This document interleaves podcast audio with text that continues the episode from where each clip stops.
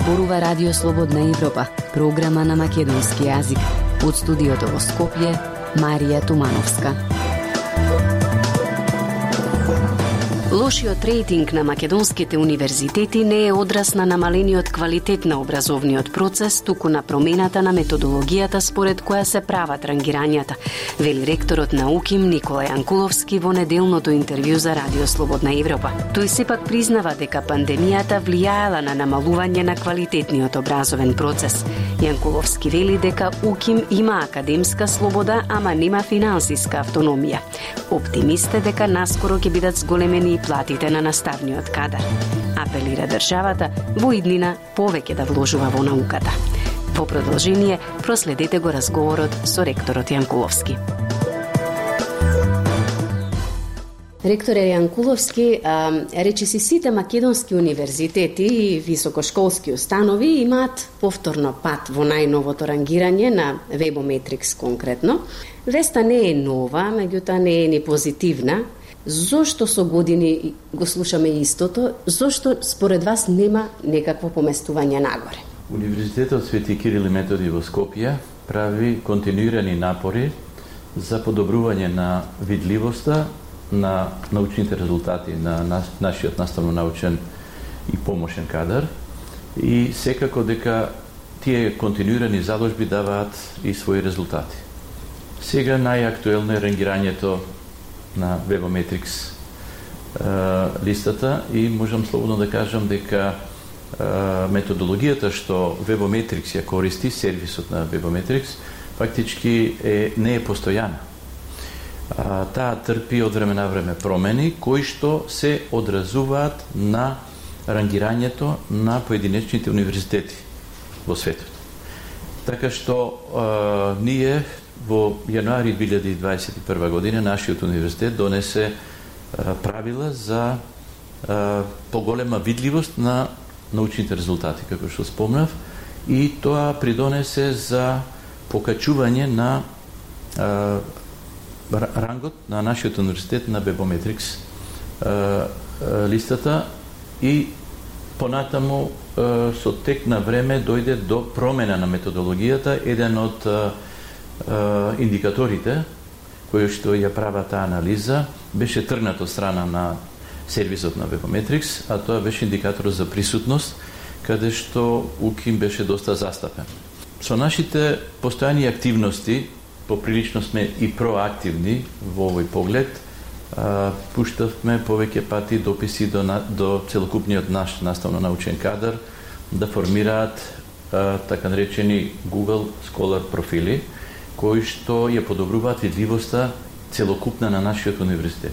Но како што спомнав, самиот факт што беше тргната, тргнат индикаторот за присутност, доведе до намалување на рангирањето на нашиот универзитет на Webometrics и тоа од да кажеме 1493 место на 1611 место, кое што се уште Значи, аналитичарите го сметаат за нормална вариација во текот на времето историски гледано на рангирањето на Webometrics. Предходно, нели, ние се покачивме за 118 места со предходните активности што ги спомнав, но заради постојаната промена на, на методологијата дојде и до падот на универзитетот Свети Кирил Методи за, еве да речеме, стотина места – Сакам да кажам дека тие вариации промени на во рангирањето не се не значи секогаш и пат на квалитетот на универзитетот, туку вариации во, во промената на методологијата, односно во промената на тежинските влијанието на тежинските фактори на индикаторите. И во зависност од тоа може да има поместување на ранглистите, кои што не значат дека квалитетот на еден универзитет ќе опадне. Е, веќе кога го спомнавте квалитетот нели на воопшто образованието, колку ректоре пандемијата, односно онлайн учењето, влијаеше да се намали квалитетот на образованието? Еве, вие конкретно сте професор на медицинскиот факултет, студентите следат предавања онлайн. Какви очекувања да имаме од идните лекари ако тие немаат пракса или ако полагаат испити онлайн? Па секако дека пандемијата која што никој не очекуваше, направи доста промени или можам слободно да кажам уназади многу активности во многу сфери на начинот и во живењето, во обштествениот живот и секако тоа даде одраз и на образованието и на науката. А, посебно на образованието. Проблемот е кај оние факултети, односно институти, каде што имаат практична настава, еве како што спомнавте вие медицинскиот факултет, каде што е проблем практичната настава. Но и тука превземавме одредени активности кои што упатуваат а, повеќе на а, вежби со физичко присуство, со тоа што ги намаливме групите на само неколку студенти, затоа што е незаменлива праксата кога се работи со физичко присуство на еден добар дел од нашите единици. Професори реагираат дека денеска се бара многу помалку знаење за да се заврши факултет за разлика од децении порано. Го имате ли истиот впечаток? Еве, вие може да споредите а, како беше пред 20 години, како е денес. Дали на вистина се забележува тој пат? Па секако дека Европскиот кредит трансфер систем доведе до некои промени во оваа смисла, како што кажувате, заради тоа што предходно испитите беа нели со директно присуство и со физичко присуство, нели? Така што писмените испити или пак нарочито онлайн полагањата, па и онлайн и предавањата, испитите и вежбите секако дека ќе придонесат за помал квалитет. Тоа е неспорно, меѓутоа, како што спомнав, ќе се трудиме ние да го тоа тој дел надокнадиме со брзо враќање во е, наставата во амфитеатрите, предавалните и лабораториите. Ректоре, колку често, на пример, одборот за евалуација врши контрола на работата и квалитетот на УКИМ? И дали имаат некакви конкретни забелешки? Новиот одбор до сега немаме сознание за некои конкретни забелешки, се уште мислам тие се во фаза на припремите на нивната правна регулатива. Сме имале контакти со одборот, имаме и контакти со одборот нели, за акредитација и за сама евалуација.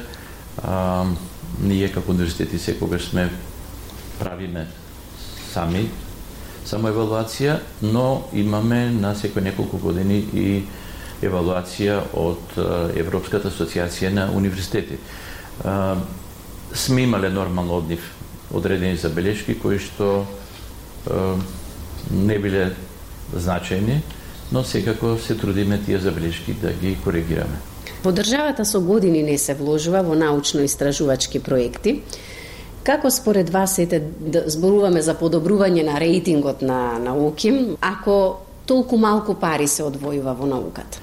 Со децени наназад многу малку се вложува во науката, во нашата земја, така што ние постојано апелираме до сите влади и власти на назад, меѓутоа не сме задоволни од одговорот што го добиваме и лично сметам дека сме најслаби во регионот, а за да не, да не зборуваме пошироко.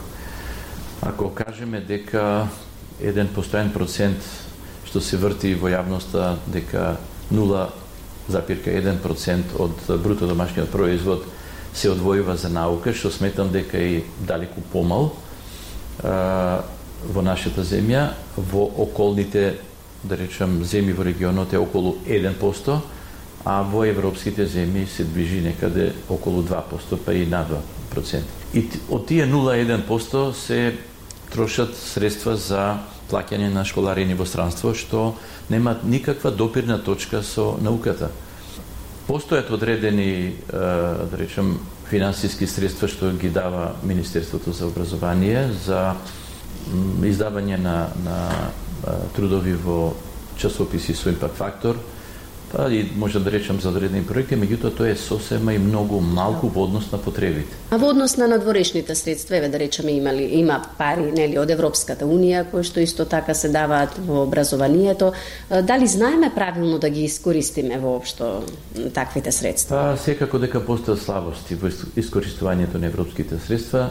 Нашиот наставно научен кадар кој што е на едно на вистина високо ниво, и кое што е на навистина едно ценето ниво во Европа и во светот, учествува во разни меѓународни проекти и на тој начин индиректно ги користиме повеќе тие средства.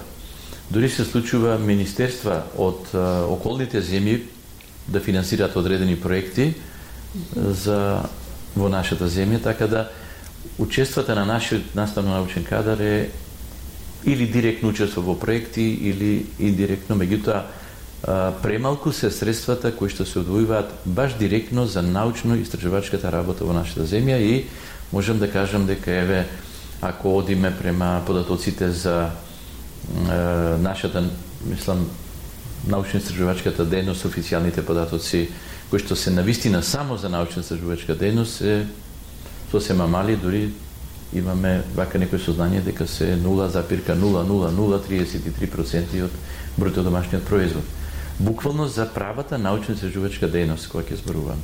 И тоа е навистина испод секој ниво поразувачки. Од друга страна го имаме на задоволството на кадарот од платите, несоодветни услови за работа од надредени факултети, исто така нема вработување, каде фалат асистенти, нови вработувања. Овие навистина остануваат главни проблеми во високото образование и се провлекуваат од каде да се почнете, како да се подобри таа ситуација, што може да се направи. Академски кадар, наставно-научен кадар не се ствара со една, две, три, пет или десет години. Тоа е еден континуиран процес кој што трае неколку децении за да се стигне до редовен професор. Нели имаме асистент во неколку избори и доцент, понреден редовен професор, така што сите овие работи одземаат одредено време и ние не можеме да правиме празнини кога некој ќе отиде во пензија. Ние веднаш треба да најдеме начин, меѓутоа не не зависи тоа од универзитетот. Пред се тоа зависи од Министерството за образование и наука и Министерството за финанси, давањето на согласности за вработување.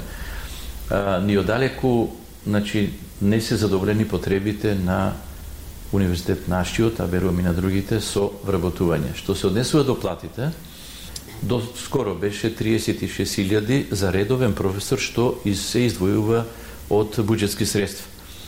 Сега е околу 39.000, што е премалку за, да кажем, еден редовен професор. Сега некои од факултетите кои што имаат собствени приходи надокнадуваат и ги зголемуваат платите, нели, во согласност со законската регулатива. Меѓутоа, значи има големи разлики во платите. Па да, има, има разлики, меѓутоа има доста факултети и институти кои што се со многу ниски плати.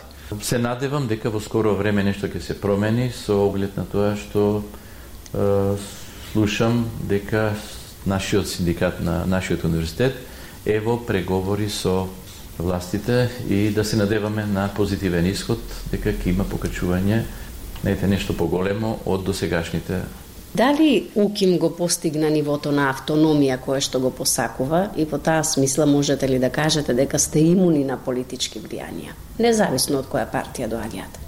Па секако дека УКИМ има академска слобода, има автономија во управувањето, автономија во кадровската политика и така натаму, значи ние самостално и автономно одлучуваме за многу прашања и проблеми, нормално без мешање на политиката, но кога се работи, например, за финансиска автономија, тука не сме сосема задоволни, заради тоа што знаете дека сме под трезорското работење, кој што има доста ограничувачки фактори а, во поглед на финансиското работење на универзитетот. универзитетот.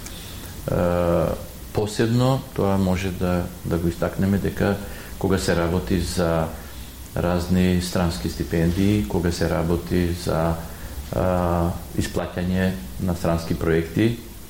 Значи имаме реални проблеми со тоа и еве во околните земји го нема тој проблем. Тука сметам дека треба нешто да се направи од страна на државата да бидеме ослободени, ако ништо друго, барем за собствените приходи.